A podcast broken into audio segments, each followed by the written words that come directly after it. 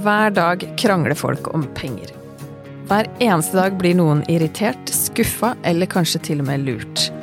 I dagens episode av I trange tider så skal vi få noen tips av en samlivsterapeut, og vi skal høre hvordan Nina ble lurt av mannen sin gjennom mange år.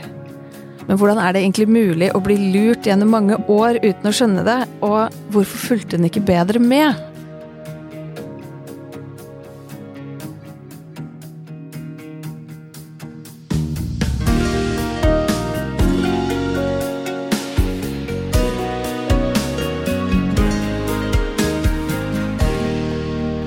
Velkommen til I trange tider, Kristin og Nina.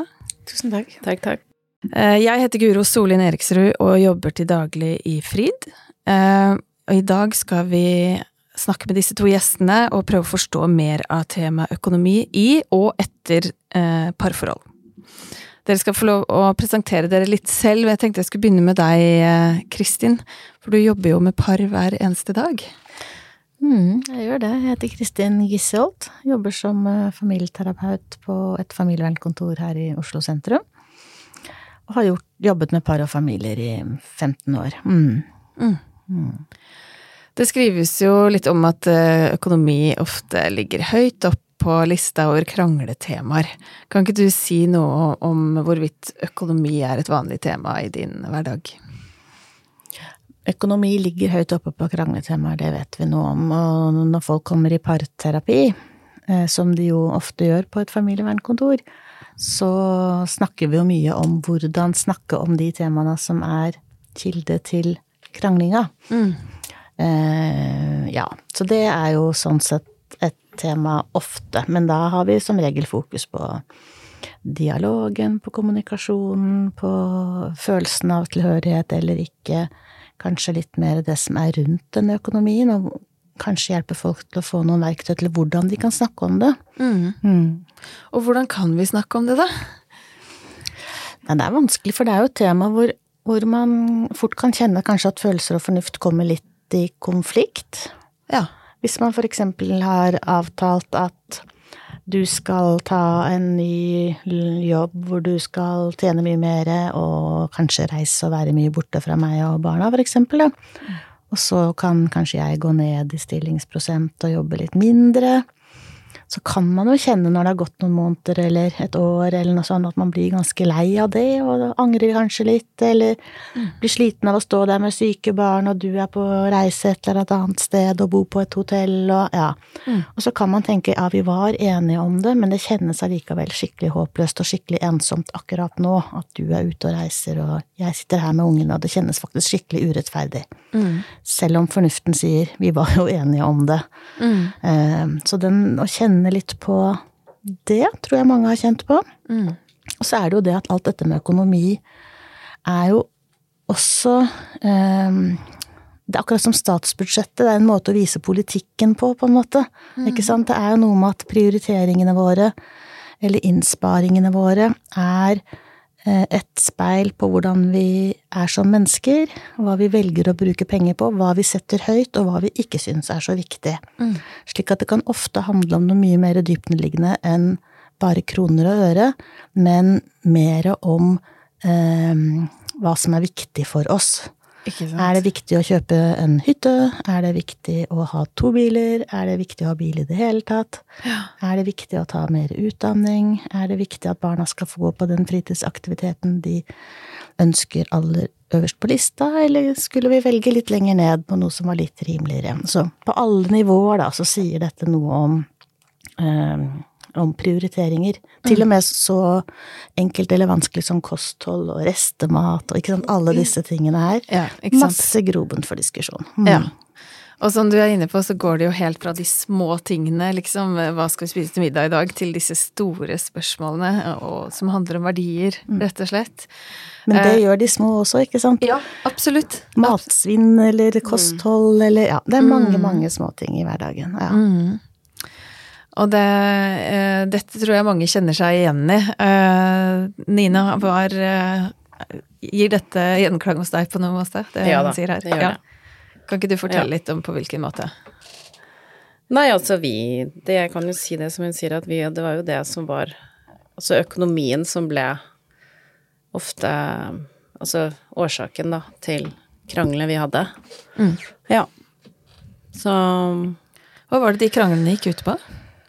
Nei, altså det kunne være alt fra liksom Altså vi hadde jo såpass dårlig råd, eh, egentlig, med det meste. Og hadde jo altså utgiftene ble jo mye høyere enn inntektene. Så vi gikk jo litt i minus hver måned. Og så på grunn av uføretrygd og litt sånn den ene parten, og da ble jo ikke inntektene slik de var, og så hadde man jo fortsatt de samme utgiftene, og så ble det bruk av kredittkort for å kompensere, og så ble det jo minus og minus, og så tar man opp Samler man lånene, ikke sant, og så ble det enda mer, og så blir man jo Ja, det, var jo ikke jeg som hadde med økonomien å gjøre, det høres så teit ut, men det er jo sant. Det var ikke jeg som, hadde, som styrte økonomien vår, så jeg stolte jo blindt på han. Mm. Um, så når han fortalte meg at nå, nå har vi mye utgifter, sånne småtteri her og der, uh, og nå er det lurt at vi samler det i ett større lån, så vi bare får én utgift, ikke sant. Da tenkte jo jeg ja, ja, det høres jo smart ut. Og så ble jeg med på det, da, ikke sant, og så signerer du også. Mm. Ja, Men tok så, dere disse verdidiskusjonene på en måte som Kristin snakker om her, liksom hva er viktig for oss nå, hva Tok dere en gjennomgang av det? Hvordan vil dere som par bruke ja, penger? Nei, det er litt sånn, litt sånn, fælt å tenke på, egentlig. fordi når du snakker om det, så tenker jeg at det er en veldig normal uh, ting å ha en samtale om som par. Mm. Uh, og jeg ser jo mine venner og venninner og sånn som har gode partnere som selvfølgelig bruker tid på å snakke om disse tingene, og så kjenner jo jeg på at det er jo noe vi egentlig aldri har gjort. Mm. og det er jo tragisk nok i seg selv, men uh, det er så mange ting som blir så, hva skal jeg si, innlysende når man ser tilbake på det i ettertid. Mm. Men det var jo, husker jeg, det jeg ofte savnet, da, at vi var partnere i ting, og at vi tok avgjørelser sammen, ikke sant. Mm. Fordi sånn som det var hos oss, så var det jo bare jeg som gjorde alt med barna. Jeg som handlet inn alt, jeg som sørget for at de hadde det de skulle, jeg som sto opp om morgenen, fikk dem av gårde var på foreldremøter, alt, ikke sant, mens han ikke gjorde noe av de tingene. Um, og da tenkte jo jeg at hvis du styrer med økonomien, så vet du kanskje mer om det. Uh, og da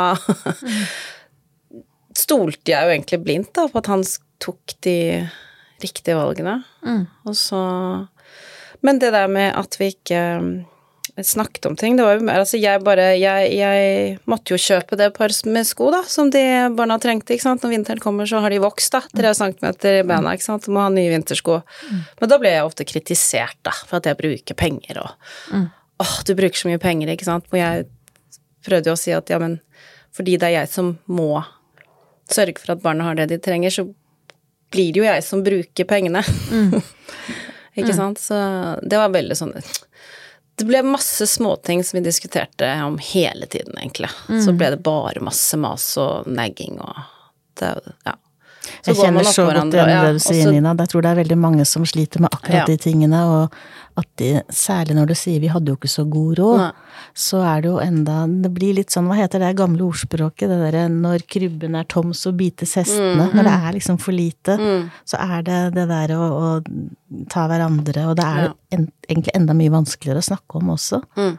Så det syns jeg du beskriver på en skikkelig mm. rørende måte, egentlig. Ja. Mm, mm. Og jeg tror det er viktig, det er fint at eh, flere får høre det, fordi man kan jo tenke sånn herlighet, 2000-tallet, på en måte moderne kvinner, mm. eh, som, som, ikke har innsyn i familiens økonomi, og hvor sønnsrollene Eller hvor dere du, ja. du, gir et bilde hvor dere egentlig mm. holder på litt i hver deres verden, da. Ja. Ikke sant? Du, du, styrer med barn og hus og hjem, og han gjør noe annet. Kan du som familieterapeut si noe om liksom hvorvidt det er vanlig også i dag? For jeg tror mange kjenner på liksom en skam rundt det, på en måte, eller at eh, Ja. Ja, jeg tror det er ganske vanlig, men det vanligste er vel kanskje det at man havner inni noen mønster, iallfall, hvor den ene har oversikten, og det ene at vi blir Ja, at vi fort fordeler arbeidsoppgavene. Om ikke det er helt uttalt engang, så blir det bare sånn. Mm. Og at um, i mange familier så er det menn som har hovedoversikten, og som kan kanskje være helt åpen og transparent og si du kan bare gå inn der og der, men hvor kvinner kanskje føler litt avmakt eller syns det er litt skummelt. Eh, kanskje er redd for diskusjonene det kan føre til. Mm. Sånn at det er litt sånn å gå rundt smørøyet for å slippe konflikter også. Jeg tror det kan være veldig mm. mange mm. årsaker som mm. ligger bak. Mm. Eh, ikke at eh, kvinnene er noe dummere i det hele tatt. Men så, når det er sagt, så finnes det også veldig mange par hvor dette er hvor man faktisk kjører mye mer separat økonomi, at man ikke har det så samkjørt, at man ja, styrer mer med sitt eget. Mm. Dette gjøres veldig, veldig forskjellig, rett og slett. Ja. Sånn hvordan man ordner seg økonomisk. Selv om man, særlig hvis man er gift, så har man jo et gjensidig forsørgeransvar. Mm. Men man Ja. Til syvende og sist så er det jo penger inn og penger ut, og barn som skal forsørges, og alle de tingene der. Mm. Og det har vært en debatt i det siste om akkurat det der, hvor en bank har vært ute og, og liksom lukket varsku rundt hvor mange kvinner de som tar kontakt med banken etter brudd, og åpenbart har veldig lite innsikt. Og så kommer det en annen på banen og kritiserer bankene, eh, fordi det også sånn på systemnivå er lagt opp til at det skal være f.eks. én hovedlåntaker. Altså det, at det er noen systemer som gjør at det ofte blir sånn at én part blir kontaktpunktet til banken. Og da var man jo avhengig av at den formidler videre til partneren sin eventuelt, da. Uh, så, så, det er jo Jeg syns jo det her er kjempeinteressant. Det der med ja å ta mm. ansvar mm. selv, men også at det er noen systemer her. Og så er det dette med roller, og så er det kanskje noe med makt. Og uh, la oss nå si da at vi har en mann som har vant med å holde styr på økonomien, er ganske lukka rundt det. Og så sitter en kvinne nå og hører på og tenker 'søren, dette burde jeg gjøre noe med'. Og så har man vært sammen i mange år. Så blir det så rart kanskje å plutselig komme her etter 15 år og si 'nå vil jeg ha oversikt'. Mm. Har, de, har, dere noe, den sender jeg det litt til dere begge, har dere noen tips til hvordan man kan liksom komme på banen hvis man hører på nå og tenker at 'søren, eller dette gjelder meg'? Forhåpentligvis uten at man går rett i konflikt, da. altså Som parterapeut så vil jeg jo tenke at det å si du, nå har jeg hørt mye i media det siste, at dette her med kvinner og økonomi, og jeg det ser jo ut som vi har liksom gått rett i den fella, eller vi har liksom organisert oss på den måten. Jeg mm. kunne tenke meg at vi setter oss ned en dag og ser litt på det, og, og kanskje du kan hjelpe meg, og, og, mange banker har jo faktisk sånn at begge er medlåntakere, eller men, ja, man må sørge for at begge har innblikk i kontoer og de tingene der. Kan vi ta en mm. prat om det nå?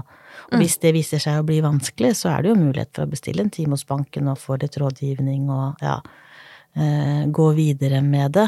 Men jeg tror jeg ville prøvd å legge opp til en veldig sånn rolig tilnærming. Dette har jeg mm. lyst til å snakke om. Når passer det for deg at vi setter oss ned? Istedenfor å ta den derre 'jeg hørte dette', mm. for da er man jo i gang med konflikten med en gang. Ja. Så jeg tror jeg ville annonsert temaet og sagt 'kan vi finne en tid å sette oss ned og snakke om det'? Det høres lurt ut, og da kan vi benytte den tida vi står i til liksom å skylde på disse faktorene for å komme i gang med praten. Men hva, hva i de tilfellene hvor det allerede er mye gnaging, da. Og du hadde jo et veldig godt eksempel, Nina, ikke sant, på mm. at det er et sånn gjentagende mønster. Du har ikke innsikt, men du handler, og så du opplever at du tar ansvar, opplever mm. å få kritikk. Mm. Uh, og han sitter kanskje med en uro som han bærer på, som du kanskje er litt sånn skjerma Hvis han visste at det ja. går i minus, da, og du mm. ikke helt oversikt. Mm. Da tenker jeg det er jo så, et slags mønster. Uh, har du tenkt noe i ettertid, for å begynne med det? Etterpåklokskap er jo litt sånn brutalt, men jeg vet jo at ja, du har tenkt mye i ettertid. Man må jo gjennom den. ja, hva kunne jeg ha gjort annerledes? Ja. Nei, altså jeg tenker jo at jeg sikkert kunne vært eh, mer eh, Altså bedt om å få mer innsyn, selvfølgelig. Mm. Men uh, helt ærlig, så Altså, i min historie, da, så altså han Vi møttes da jeg var veldig ung, ikke sant, og han var tolv år eldre, eller er tolv år eldre, og alltid vært den som har holdt styringa på ting, og da ikke sant, Han hadde jobb, og han kjøpte hus, og han ikke sant, gjorde sånn. Og, og da har det alltid bare blitt naturlig at han ikke sant, fortsatt å ta seg av disse tingene uten at jeg egentlig har stilt spørsmål. Og så går jo årene, og så får man tre unger på tre år, og så Ja.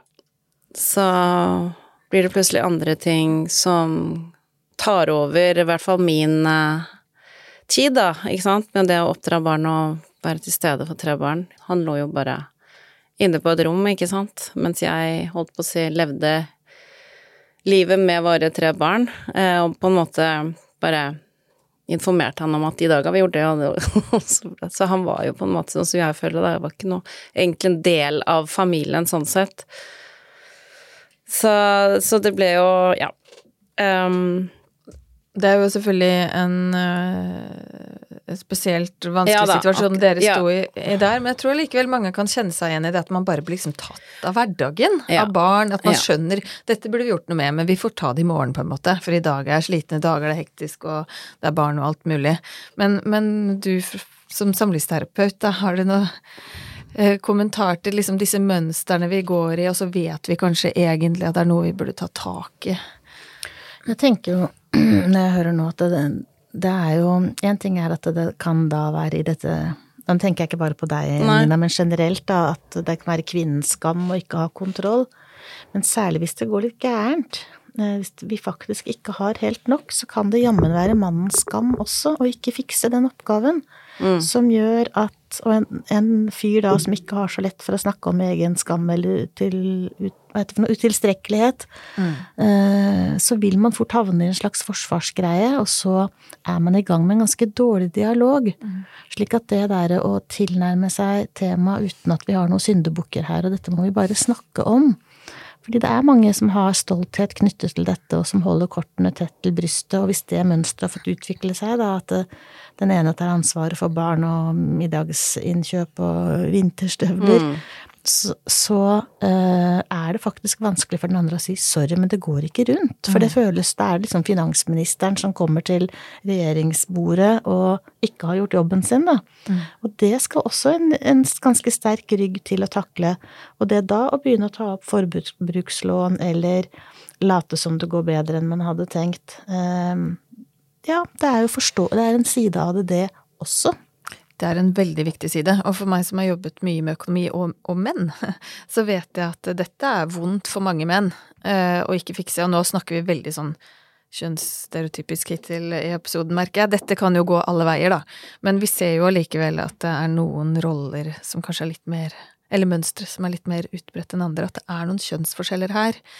Eh, det er det, definitivt. Mm. Og skammen på begge sider kan være kanskje vel så stor når det er andre veien, fordi vi som jobber med par, vet at uh, det stemmer ikke alltid på gruppenivå, da, dette med, med hvem som faktisk har styringa. Det mm. kan faktisk i veldig mange familier vel så gjerne være henne. Absolutt. Mm. Eh, og, og, vi har jo kontakt med mange par hvor kanskje én har bakgrunn fra et annet land, og det er den som kjenner det norske systemet, som kanskje fort blir den som er litt sånn hovedansvarlig. Ja, det er mm. mange årsaker da til at den ene blir det jeg kaller finansminister. Mm. Um, uten at det aldri var helt uttalt, kanskje. Mm. mm. Mm. Så det er også mye skam og skyld forbundet med eh, å være den som sitter med alle tilgangene når det går litt gærent, da. Som kanskje er et slags felles ansvar på et eller annet vis. Mm. Mm. Men jeg tenker også at altså Kanskje det er skam, men jeg tenker også at de, de som sitter med økonomien, har jo på en måte litt makta også. Så ikke sant, han kunne på en måte bestemme litt hvordan diskusjonen skulle gå for han som hadde alle fakta, ikke sant. Og sånn kunne han jo vri på det sånn i, i sin favør stort sett hele tiden, sånn at jeg ble stort sett syndebukken, ikke sant. Og veldig vanskelig for meg å motbevise det når han sitter med alt av innsikt på hva vi har av utgifter og, og, og hva vi har av inntekter, ikke sant, og hvor stort det minuset faktisk er. Mm. Om det er reelt. Og det er jo sånn jeg kan se etterpå at den minusen var jo mye høyere fordi han gjorde ting som jeg ikke visste om, ikke sant. Um, så da tenkte jeg herregud, prater om et par, de må jo ha sko. Mm. Det har vi jo råd til, liksom. Altså Og så viser det seg at det ikke var Altså, det var mye verre enn det han har sagt også. Mm, det er interessant at du tar frem ja. det maktperspektivet, for jeg tenker at det, den andre siden av det med makt hører det også ansvar. Mm. Slik at det å mm. faktisk ja, ja. være transparent og si fra at dette går faktisk mm. ganske dårlig, og, um, å gjøre det til et felles anliggende og ikke lukke den døra for partner, det tenker jeg at du har helt rett i, da. At, ja, at det er den som sitter med ansvaret, eller mm. med makta sint, ja. Ja, for det som skjedde hos oss, var jo at han lagde så mye styr eh, hver eneste måned når det nærmet seg lønningsdag, ikke sant. Har du overført de pengene, jeg skal betale regninger, har du gjort det, har du gjort det, ikke sant. Og så til slutt så ble jeg bare sånn Ja, åh, bare ta alle pengene. Jeg orker ikke å høre noe mer om det. Så bare styrer du med det, og så prøver jeg å se om det er noe mer igjen. Og jeg ikke sant, alltid går og handler ting brukt. Øh, kjøper på Finn og alltid på salg, ikke sant. Kjøpte jo aldri noen ting øh, som var som ikke var på salg. Og jeg tenker sånn, jeg går aldri til frisøren, jeg går aldri fikser nei, jeg bruker aldri penger på meg selv. Ikke sant? Og da tenkte jeg det der var så sårt, det der med all den kritikken hele tiden. Når du vet at du går i fire forskjellige dagligvarebutikker, for du vet at brød er billigere der, og så har du den er billigere der, og så går du i forskjellige ting og gjør alt du kan da for å gjøre ting rimeligst mulig, og så blir du kritisert til tillegg og bare slengt ut sånn fy fader, nå bruker du mye penger, eller mm. Og jeg tenker sånn, du tjener jo penger for å bruke penger, hvis ikke du skal bruke det på familien din. ikke sant? Jeg følte at jeg trenger ikke også forklare hele tiden hvorfor jeg bruker penger, fordi penger er jo til for å brukes, du kan ikke bare spare når du har tre små barn. Mm. Det, ikke sant? det blir jo brukt til noen ting. Mm. Uh, og det syns jeg var så slitsomt at jeg skulle hele tiden forklare og rettferdiggjøre de få kjøpene man gjorde som faktisk også da var veldig sparsommelige, ikke sant. og det der viser jo veldig tydelig ikke sant, hvordan økonomi mm. griper mm. liksom dypt ja. inn i livene på mennesker, og, og altså kritikk, relasjon, tillit, det er masse uh, ting her, og, og du uh, kjemper for å ha omsorg for mm. barna dine, og ikke for å forsvare den atferden, men den oppførselen du beskriver før lønningsdag, den viser jo også et enormt stressnivå mm. hos han. Mm. Eh, ikke at det er greit, men, det, men, han lider under dette. Alle lider under dette. Uh, så det, og det er jo noe som er liksom mye av grunnen til denne, hele denne podkasten, mm. egentlig, at vi må snakke om disse tingene her. For mm. det er så mye mer komplisert ja. enn det kan fremstå som når man får tips og triks til hvordan man skal liksom ordne økonomien sin, da. Og Men, apropos makt, hvis mm, jeg kan komme med et ja. lite innspill, for det hos dere så hørtes det ut som dette gikk ganske dårlig, da. Ja, da. Men i de fleste parforhold så kan det være sånn at den ene tjener mer enn den andre. Mm. Og da har man jo gjerne den diskusjonen på skal den ene da yte mer inn til fellesskapet, eller skal man sitte igjen med mer selv? Kan jeg reise på en jentetur eller guttetur, mm. eller kan jeg kjøpe meg noe, eller mm. ha, har jeg bare bedre råd enn deg? Det, og det, i sånn likestillingsperspektiv så er det ganske mange som, som strever litt med den diskusjonen der, mm. for at man vil veldig gjerne yte like mye inn. Ja. Og det er det mange som strever med, syns jeg. Og så kan ja. det bli litt sånn at den som tjener mest, er kanskje den som til syvende og sist betaler ferieturer, for eksempel, eller noe sånt noe. Og det er jo også Da sitter man også med ganske mye makta til å definere og kunne få lov til å være den som spanderer de der ekstratingene. Mm. Det så dette er veldig vanlige mm. problemstillinger, da. At mm. Men da har man jo litt mer å rutte med enn helt ned på beinet, som, mm. som du mm. beskriver, ikke sant. Ja, mm. Men dette ser jeg jo at folk strever med i hverdagen. Mm. Og nå skal vi ikke drive så veldig mye med tips og triks eh, i denne podkasten, men jeg kan jo si at en ganske sånn ukontroversiell vanlig anbefaling er jo at man skal yte etter evne, på en måte. Sånn at den som tjener mest, skal yte mest i det daglige. Og det er ganske viktig for å unngå sånn som du sier, at den som tjener mest, bare blir den som bidrar med mest gøy, på en måte, sånn som ferie. Men, men i det daglige. Og, og ja, så, så, bare så har det nevnt. Mitt inntrykk ja. er at de fleste også gjør det. At ja. den som tjener mest, er innforstått med akkurat mm. det du sier.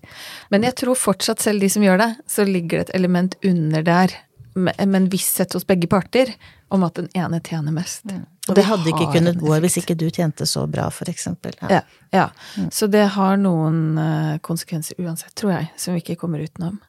Men uh, du tar jo opp Her har det uh, Du har blitt utsatt for kritikk, og i tillegg så er det et ganske sånn alvorlig tillitsbrudd. Mm. Og det kan jo skje i forhold i mange sammenhenger, ikke sant, at noen ja, bruker penger på andre ting og holder det skjult for partner. Man kan det være spillavhengighet, eller kan det være disposisjoner, at man er investert i noe som har gått galt, eller kan du som samlivsterapeut si noe om hvordan man liksom jobber med tillit? Altså når en rett og slett har gått liksom bak ryggen på den andre, og så kommer dette for en dag.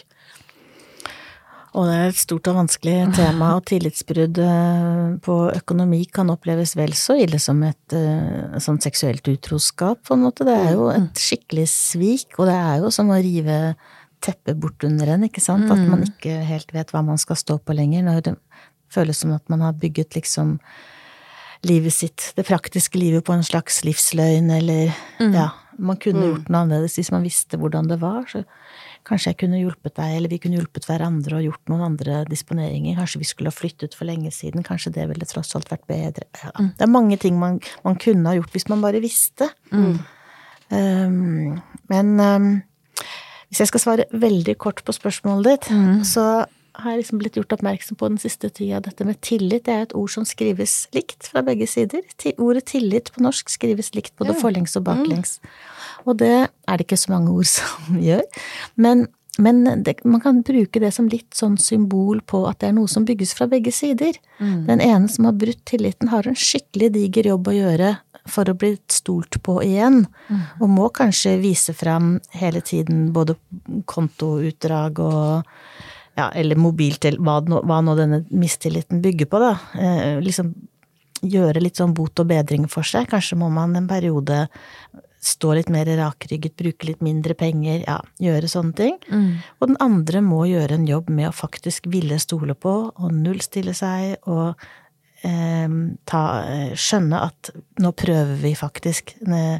Ikke, ikke la den gamle historien gjennomsyre alle diskusjonene eller pratene vi har i dag. Da kommer vi ikke videre. Mm. Jeg må også gjøre mitt for å si at dette her er eh, ikke glemt, men, men, det er en del av historien hvor vi får ikke visket det bort, men jeg kan ikke ta det fram eh, i hver eneste diskusjon vi har om dette.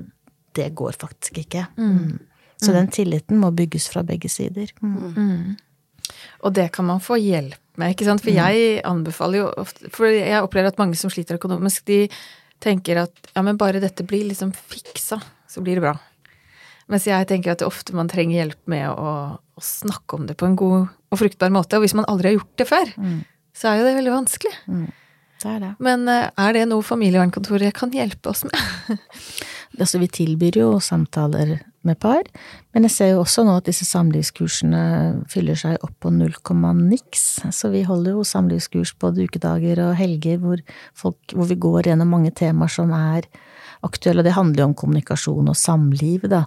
Men om, øko om, økonomi er et tema man vil jobbe med på et sånt kurs, så kan man jo avtale det i parforhold og bruke eksempler fra, fra, den verden. Andre vil kanskje jobbet med andre ting, men det her er jo ja. Og det heter typisk bufferkurs, ikke sant? For eksempel. Ja, og mm. siden vi skal bryte ned tabuer her, så kan jeg si at jeg har vært med på det. Ja. Opptil flere ganger. Ja. Jeg holdt bufferkurs nå i helgen med stappfull sal. Ja, og jeg kan virkelig mm. anbefale det. Det er mm. så bra. Det er kjempebra. Og som du sier, man kan jo bruke det litt til det man vil. Det er nettopp det. Ja så kan man la det være noen sånne gjennomgangstema, for da får man masse oppgaver, og så skal mm. man gå og jobbe hver for seg eller i paret med, med, de oppgavene. Ja. Og da kan man faktisk prøve å få litt hjelp til å snakke om det på en litt annen måte enn det vi klarer å gjøre hjemme over kjøkkenbordet. Jeg vil påstå at man, eller i hvert fall fordel, at man kan snakke mer fruktbart om noe i løpet av to timer der enn man ville klart på to år. Mm. I et kjent mønster, på en måte. Mm. Mm. Så det er veldig jeg skulle jo ønske at jeg hadde dratt han med på mm. et sånt møte, for da hadde jo ting kommet fram. Fordi mitt problem var jo at det var jo allerede over, ikke sant, forholdet da jeg fant ut at uh, ting var så skeivt, da. Mm, ikke, ikke sant? sant? Så den tillitsbruddet, da gikk det jo ikke å begynne å jobbe med det. Mm. I ettertid, så mitt møte med familievernkontoret var, uh, var jo i, for å lage en samværsavtale, ja. Mekling ved samlivsbrudd. Mm, så, og da ble det jo ikke snakket om økonomi i det hele tatt. Mm. Det var ingen som spurte oss ja, hvem betaler for barna, faktisk. Mm. Sånn som det er nå. Uh, så det, det vet ikke jeg heller om er vanlig prosedyre, eller om Mm, vi, spør, vi, spør, nok ikke så mye om, om, det, men, men, det er jo et tema som snakkes om allikevel, hvis, mm. eh, på den måten at eh, vi må si fra hvis man lager en samværsavtale hvor det helt tydelig økonomi kan bli et tema.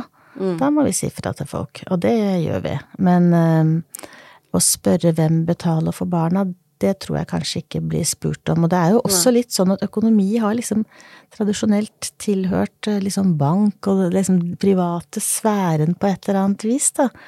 Slik at det, det den meklingsordningen ved samlivsbrudd mm. skal bidra til, er å komme fram til gode, nei, gode avtaler for barn. Eh, og det er ofte mer enn nok å snakke om bare når det gjelder akkurat det. Men det er jo absolutt noe å ta med seg tilbake, at det med økonomi, hvor mm. viktig del det spiller av eh, også barns hverdag, da. Og det er jo i hvert fall krangletema nummer én mellom ekspartnere som samarbeider om felles barn. Det er helt mm. sikkert. Ja. For da, du har helt rett i at du kan ikke begynne å reparere på det økonomiske Nei. som skjedde etter et brudd. Det Nei. er jo helt eh, Ja. Mm. Jeg har litt lyst til å nevne bare sånn på tampen at uh, den såkalte privatavtalen man gjør i en samværsavtale, at den har enorme uh, konsekvenser for samliv, eller for brudd. Ikke sant? Den er veldig gjeldende, da, den samlivsavtalen. At man, det syns jeg kanskje man kunne fått litt mer opplysning om, at når dere skriver at denne avtalen er privat, og vi er bare behjelpelige med å skrive den, men at den har veldig store konsekvenser hvis den ikke blir fulgt. Hvis man ber Som Nav om å utregne f.eks. barnebidrag, ja. så får den store konsekvenser. Ja. Mm. Mm. Mm. Men uh, du var jo så vidt inne på det, men vi kan jo uh, komme med en slags oppfordring, da, om å hjelpe folk litt på banen med temaet økonomi òg, for det er jo min erfaring at det er såpass tabulagt. Og som du sier, vi er vant med å ha det innen private sfære. Og jeg snakker med mange profesjonelle som er i ulike roller, som er vant med å snakke med mennesker som sliter, men som fortsatt syns vegrer seg for å ta opp temaet økonomi, da. Så jeg bare sender den utfordringen ut. At jeg tenker at det er veldig mange flere yrkesgrupper som eh, eh, som hadde hatt stort utbytte, tror jeg, og, mm. og de de møter, hadde hatt stort utbytte. At de hjalp folk med å bringe det temaet på banen. Mm. Uh, innenfor liksom det kompetanseområdet man har, da. Mm. Og der er kommunikasjon, eh, tillit, følelser, psykologi, alt det her liksom henger sammen. Mm, mm. Ja. Og det ligger nok ganske dypt i ryggmargen vår, for det er jo selv innad på en arbeidsplass hvor mye tjener du, og hvor mye tjener jeg, og ikke sant, alle mm. disse temaene. Vi har det jo gående hele veien. I mm. vennegjenger vet vi egentlig hva vennene våre tjener. Ja. Mm. Hvor mye vet vi om hvor høye huslån folk rundt oss har? Ja. Mm. Dette ligger langt tilbake i tid, og det var jo generasjonen før og så var det jo liksom Du skulle ikke snakke om penger, de, mm. de skulle bare være der. Ja. ja. Så jeg tenker at dette her er det jo en kjempejobb å gjøre. Ja. Mm. En kjempejobb å gjøre. Vi vet mm. at tabuer bidrar til å øke problemer, øke skam, øke effekten av dette. Mm. Så, så, der kan vi jo Den tiden vi står i, gir oss en anledning, tenker jeg, til å ta det opp. Ja, mm. litt oftere. Jeg har lyst til å spørre deg om en siste ting, Kristin. Mm. Fordi jeg tenker at å i seg selv å foreslå å gå til familievernkontoret kan oppleves som en sånn Oi, skal vi skilles nå? Mm. På en måte. Eh, har du noen tanke om hvordan man kan presentere et eventuelt ønske hjemme om å få hjelp med å snakke om dette? Mm. Ja, det kan jeg Jeg tenker at det å formidle til partneren sin at jeg har skikkelig lyst til at vi skal fortsette å være et par. Mm. Eh, det er deg jeg har valgt, og det er, vi har barn sammen, og det, jeg vil at vi skal fortsette å få det til. Men den siste tida syns jeg det har gått eh, Om det er en kule varmt, eller det Jeg har ikke følelsen av at vi er et kjærestepar lenger, og jeg syns kanskje vi skal selv på det for å forebygge litt, eller for å få litt hjelp til å havne ut på den riktige siden her, eller Men jeg tror at en partner som man tenker at vil bli redd for å bli invitert med parterapi, trenger den tryggheten på at eh, jeg vil at vi skal gå gjennom dette sammen. Sånn at man formidler det først. Mm. Eh, og hvis det ikke er sant, hvis man faktisk er i tvil om at man står for et brudd, så får man si det, men på en ordentlig måte. Mm. At eh, nå syns jeg det er blitt så vanskelig, og jeg tror vi trenger noen profesjonelle til å få litt hjelp til å finne ut av disse tingene og snakke sammen om det. Og så får vi se hvor det lander hen. Eh, men det hadde vært veldig fint om vi fikk til dette sammen, for eksempel. Mm. Det var en fin måte å mm. ta det på, syns jeg. Mm. Ja. Eh, tusen takk både Nina og Kristin for at dere ville komme. Jeg syns det ble en viktig prat. Og jeg håper det setter i gang eh, en prat i en del hjem også. Eh, og det er viktig at vi når ut med, med denne podkasten og denne kunnskapen. Så hvis du som hører på syns dette var nyttig eller givende på noen måte, så håper jeg du er med på å dele episoden. Like å dele, som det heter. Takk til deg for at du setter temaet på agenda. Ja. Takk skal dere ha, og så håper jeg dere hører på neste lørdag.